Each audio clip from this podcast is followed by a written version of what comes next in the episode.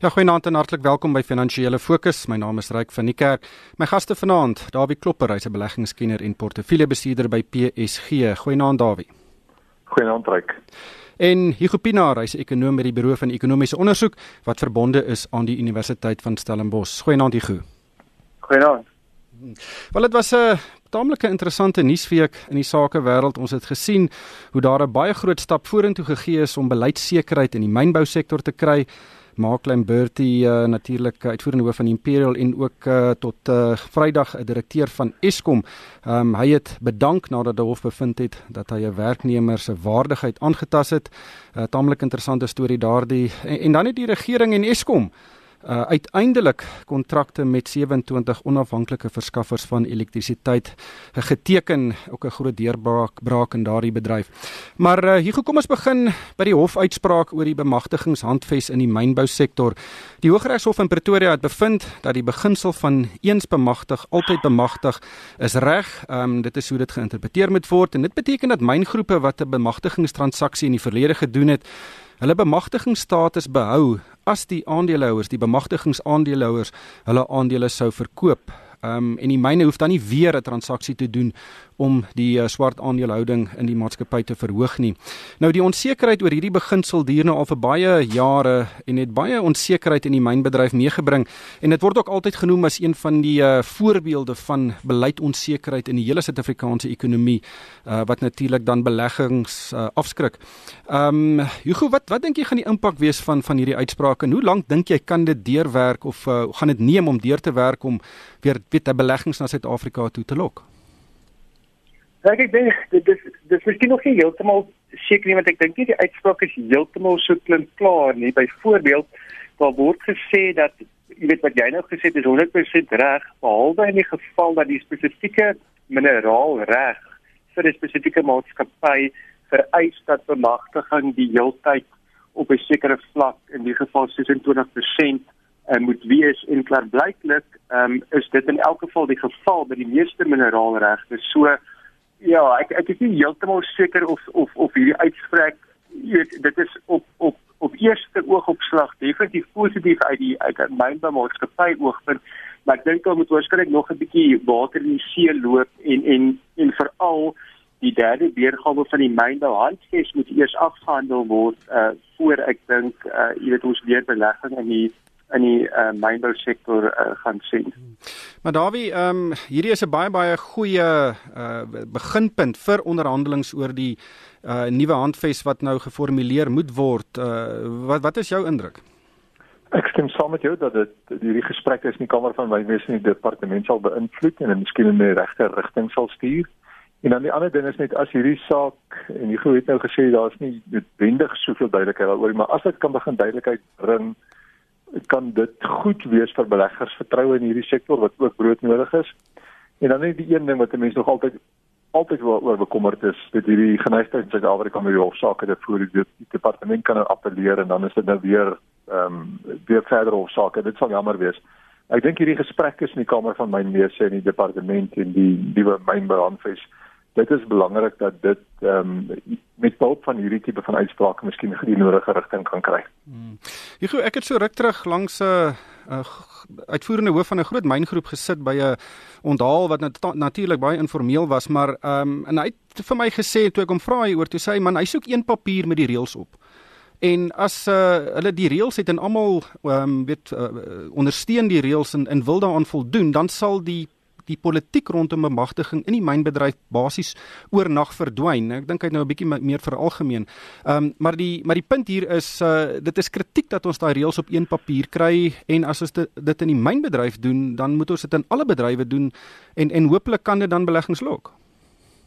Ja verseker, ek ek dink die die een ding wat die mynboumaatskappye voor vra uh, namens die kamer of deur die kamer van mynwese is dat mens verkieslik nie elke paar jaar die die speelveld verander nie. Dit klink redelik logies, maar ongelukkig wat ons nou gehad het is sodra daar byvoorbeeld 'n nuwe minister van ehm um, minerale sake is, elke klompie jare dan dan dan word daar weer gekyk na die handves en daar's 'n nuwe weergawe daarvan ensovoorts ensovoorts en en en dit en dit lei tot onsekerheid. So as mens byvoorbeeld tot 'n vergelyk kan kom dat dat sê vir die volgende 10 jaar is hierdie is hierdie die reëls van die spel en almal kan saamstem oor oor wat daai reëls is en dan verseker ek weet nie die kamer van wynneuse het het onlangs 'n opname gedoen gedoen onder die maatskappy en, en hulle beraam dat daar belegging beleggings van tussen 120 of 100 tot 150 miljard kan ontsluit word as as daar sekerheid of regulatoriese sekerheid kom. So jy weet as dit kan gebeur, uh, jy weet dit kan dit ek dit mens wil nie oordryf nie, maar ek dink nie dit is 'n oordrywing om te sê dit kan 'n massiewe impak hê op die oorhoofse privaat sektor investerings uh, omgewing in in Suid-Afrika. Ja, ek dink uh, en dit kan ook vinnig gebeur en ek dink dit is uh, dis kritiek vir ons ekonomie op hierdie stadium. Ehm um, Dawie, die enigste werklike ander ehm um, onsekerheid, beleidsonsekerheid is nou nog steeds hierdie eiendomsreg en die en die impak wat die onteiening van grond sonder vergoeding kan hê. Ehm um, wat is jou is daar enige ander uh, beleidsonsekerheid waaroor jy nog betrokke uh, bekommerd is? Maar hierdie ding wat jy nou net van gepraat het, is waarskynlik die grootste enkele een die grondskwessie en die onteiening daar rondom, dit is baie groot. Ehm um, beleidsonsekerheid, ek dink dan ja, ek dink nie daar's werklik iets anders as wat onduidelik noodwendig is nie. Daar's miskien goed waar mense nie altyd noodwendig oor saamstem nie. Dan net een ander ding wat ek net graag sou wou sê is as weet as mens nou dink byvoorbeeld aan dink nou maar aan swart bemagtiging en alles wat daar rondom vir mense baie keer 'n negativiteit het as jy die ekonomie nie groei kan kry en ons kan die ekonomie met meer as 4% begin groei omdat vertroue herstel omdat hierdie grondonsekerheid uh, uit die weg uitgeruim is omdat hierdie mynbou sektor uitgesorteer is en jy kry die ekonomie bo 4% gegroei gaan werkskepping begine gebeur in die ekonomie en gaan ons almal wat vir ons kan werk gee nodig hê om vir ons daai arbeid aan te bied. Dan verdwyn 'n klomp van hierdie ander sake wat wat nou miskien ehm, 'n um, probleem veroorsaak terselfdertyd. So ons moet die ekonomie in op die in, in die groei kry. As ons dit kan regkry, kan dit 'n groot verskil maak. Hmm. Ja, ek dink uh, ekonomiese ja, groei kan kan baie probleme oplos. Hier wil jy iets byvoeg? Ja, mens net om om om aan te sluit.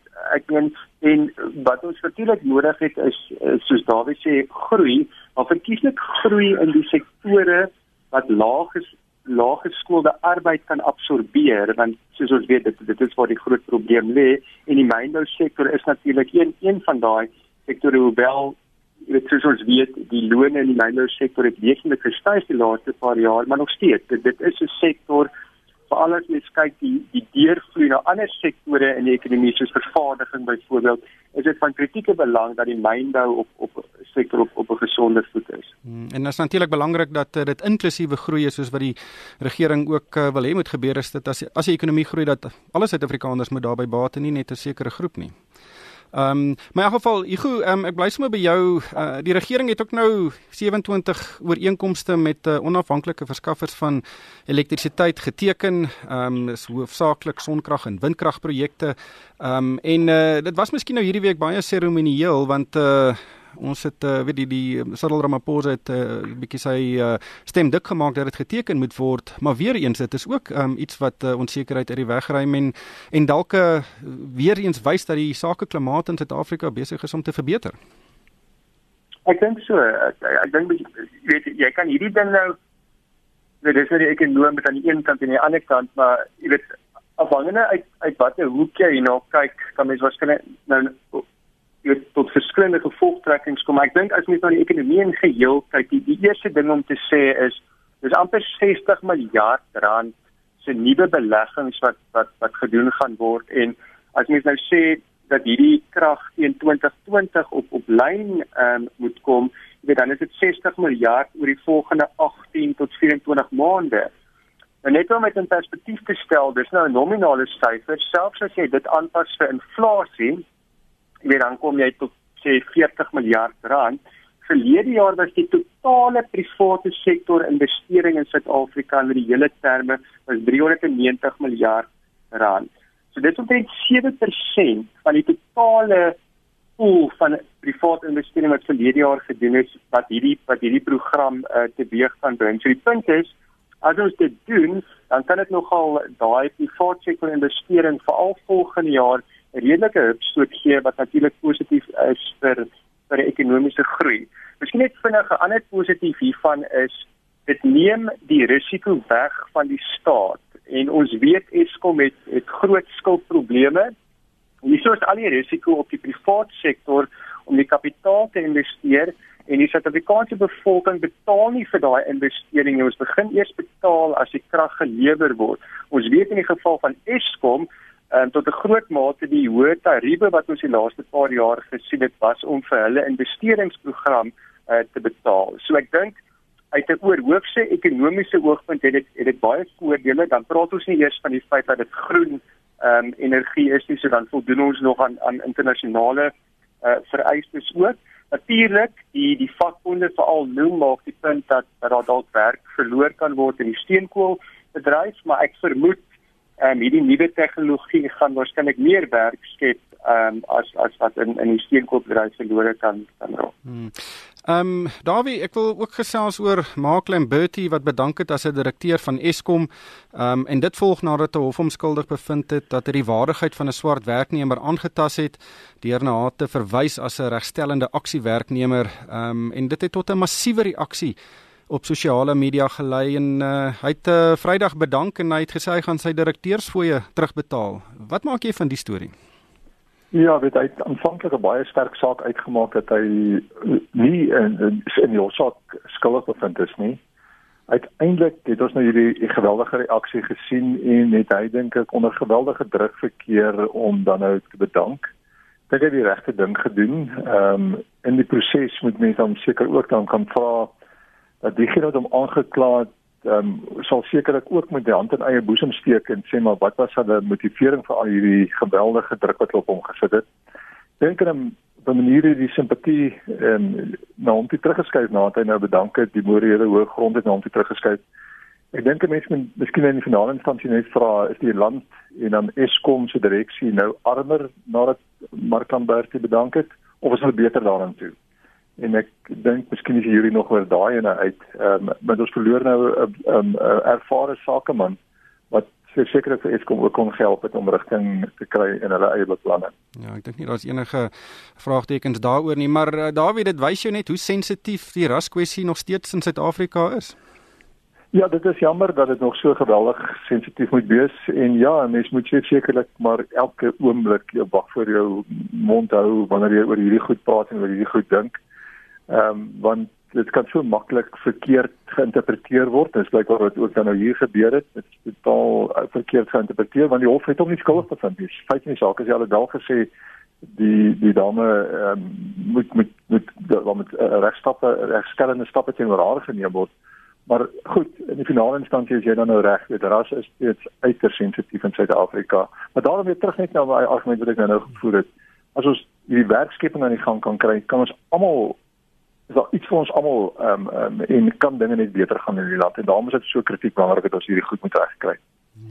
Ek gou uh die daar was vandag 'n goeie storie en rapport oor vark uh die prys van varkvleis wat so dramaties geval het tot omtrent 40% laer Ehm um, en dit volg na die listeriosis uitbraak en die paniek wat daar rondom uh uh weet uh, mense aangegryp het uh en en dit is besig om die bedryf baie baie te knou. Daar's 'n uh, groot uh weet daar die berig sê daar's heelwat uh werksverliese wat plaasvind uh en baie boere wat net nie teen hierdie laer pryse kan kan uh, lewensvatbaar wees nie. Ehm um, wat is jou indruk daaroor? Ek dink ek weet ek daar nie spesifieke in, insitte oor oor oor oor oor daai bedryf maar ek dink as mens meer in in in die breë trekke kyk ehm um, die die landbou in Suid-Afrika is is is nie maklik nie. Ehm um, jy weet ons ons kom nou die, uit 'n droogte ehm um, ons het nog steeds 'n droogte natuurlik in die Weskaap. Ons het 'n paar jaar droogte uh, in die noordelike dele gehad met die mielieproduksie wat wat onder druk is. Ehm um, jy weet ons het voelgriep hier in die, in, in die Weskaap gehad. Ehm um, jy daar is die landkwessie onsekerheid waaroor jy reeds reeds gepraat het. So ek dink hierdie is maar net nog nog iets wat wat ons sê dat jy weet landbou jy weet jy moet maar hare op jou tande dink ek om om in die, in die landboubedryf oral maar veral in Suid-Afrika ehm um, jy weet binne binne gewend uh, jy weet ek dink dat hierdie die feit dat maatskappye nou wel ehm um, um, opgetree het ehm um, jy weet dit van die produkte is, is is van die van die rakke afgehaal. Mense hoop dat dit dat dit ehm um, jy weet 'n tydelike verskynsel is, jy weet as die die situasie op opgelos is die die die spesifieke fabriek waar die waar die oorsprong is ensovoorts. Ehm um, jy weet so ek kan nie dink dat dit dat dit 'n volhoubare uh, situasie gaan wees nie, maar dit mag wees dat jy weet ten minste in die afsienbare toekoms dat mense maar katvoet is om om daai tipe van produkte uh uh, uh te gebruik totdat daar sekerheid is dat ehm um, jy weet die probleme uitgesorteer is. Ja, ek dink ook dat die uh daar's baie on ehm um, uh, bedoelde gevolge van die manier hoe daai hele storie uh, weet in die, in die media gebring is. Ehm um, en daar is seker nou ruimte vir 'n opvoedings uh veld tog ehm um, om te sê dat van die produkte veilig is. Ehm um, net laastens Dawie, ehm um, daar was weer ontwikkelings by Steinhoff. Ehm um, nou Steinhoff het besluit om die stemmery deur aandeelhouers oor spesiale bonusse van miljoene rande aan verskeie direkteure tot volgende jaar uit te stel. Uh, en dit volg nadat daar voorgestel is dat uh, sommige direkteure uh, wat nuwe rolle gekry het binne die Steinhoff direksie nadat uh, die Marcus Jooste bom gebars het, um hierdie bonusse moet kry want hulle werk nou baie hard om te kyk wat uh, nou eintlik gebeur het. Uh natuurlik het aandeelhouers en ander uh, partye op en af gespring en gesê hulle moes geweet het van hierdie probleme voordat uh die bom gebars het. Uh wat, wat maak jy hiervan? Inderdaad, ehm um, dit is ons nogal verrassend dat hierdie saak op die tafel gesit is, hierdie besluit ehm um, voor die ehm um, algemene jaarvergadering uh, sou gebring geword het. Uiteindelik het hulle dit nou onttrek. Dit ehm um, mens vra baie keer die vraag wie het hierdie besluit op die tafel gesit? Weet in daai dokumente wat hulle gepubliseer het, hulle gesê it has been decided. Wie is daai it wat dit besluit het? Seker vrae kon jy gevra het, weet hierdie ekstra werk wat hulle nou moet doen as gevolg van die krisis, waar het die krisis ontstaan? Jy weet, ehm um, dit mense sou tog die direksie is blootgestel. Hierso het hulle geweet wat aangaan. As hulle sê dit nie geweet nie, weet hoe ver het Marcus Jooste en sy bestuur die, die inligting van hulle geweerhou? Wat is die vrae wat hulle moes gevra het? Dit as mens nou net daaraan dink, daar's klaar blyklik dan nou 'n klomp skuld weggesteek van oornames wat gedoen is. Wat het geword van daai skuld? Wie het oor daai vrae gevra? En die rente implikasies daarvan en die impak wat dit op die winste gehad het. So ek dink hierdie was maar net ehm um, redelik ehm um, onsensitief om enigstens te kon vra dat hier vir hierdie ekstra werk nou gedoen moet word, uh, hierdie bonusse betaal moet word. Hmm. Hierdie verliese is gelei en dit het op hierdie mense se wag gebeur en dit is nogal jammer dat hulle wel dit gaan vra. En ook ehm um, sedert die bom gebars het is daar eintlik meer vraagtekens uh, wat onbeantwoord bly as wat daar was voor die tyd want oh, daar is eintlik nog niks konkreets bekend gemaak nie en dis nou al wat dit kyk ons nou 4 maande later. Dis amper 5 maande nou later in hierdie jaarvergadering wat nou weer voorlê sê dat ons daar gaan nog steeds nie finansiële resultate wees nie. So nog steeds is mense in die duister oor die omvang van wat hier gebeur het. En ja, ek weet dit is miskien totaal uh, omvangryk die skade wat hier gedoen is, maar nogtans die mense sou tog op hierdie stadium al wil begin inligting gekry. Die enigste inligting wat ons gehad het en gekry het was op 19 Desember na die skandaal nou gebreek het hier in 4, 5 en 6 Desember. Daar het hulle gesê ons weet nie wat is die kontantvloei van die maatskappy nie en ons gaan 'n konsultantmaatskappy aanstel om ons te help om dit vas te stel. Dis die enigste stukkie inligting wat ons tot dusver eintlik gekry het. Sedertdien stuur ons nog almal in die duisternis en en met beleggers besluite neem met bitter min inligting tot hulle beskikking. Ja, en ek kan ook nie glo dat die maatskappy se notering nog nie opgeskort is nie. Maar ongelukkig is dit al waarvoor ons tyd het vanaand. Baie dankie aan Dawie Klopper van PSG en die Gopinaar van die Buro van Ekonomiese Onderzoek wat verbonde is aan die Universiteit van Stellenbosch. En vir myself, Ryk van die Kerk, dankie vir die saamluister en ek koop almal 'n winsgewende week.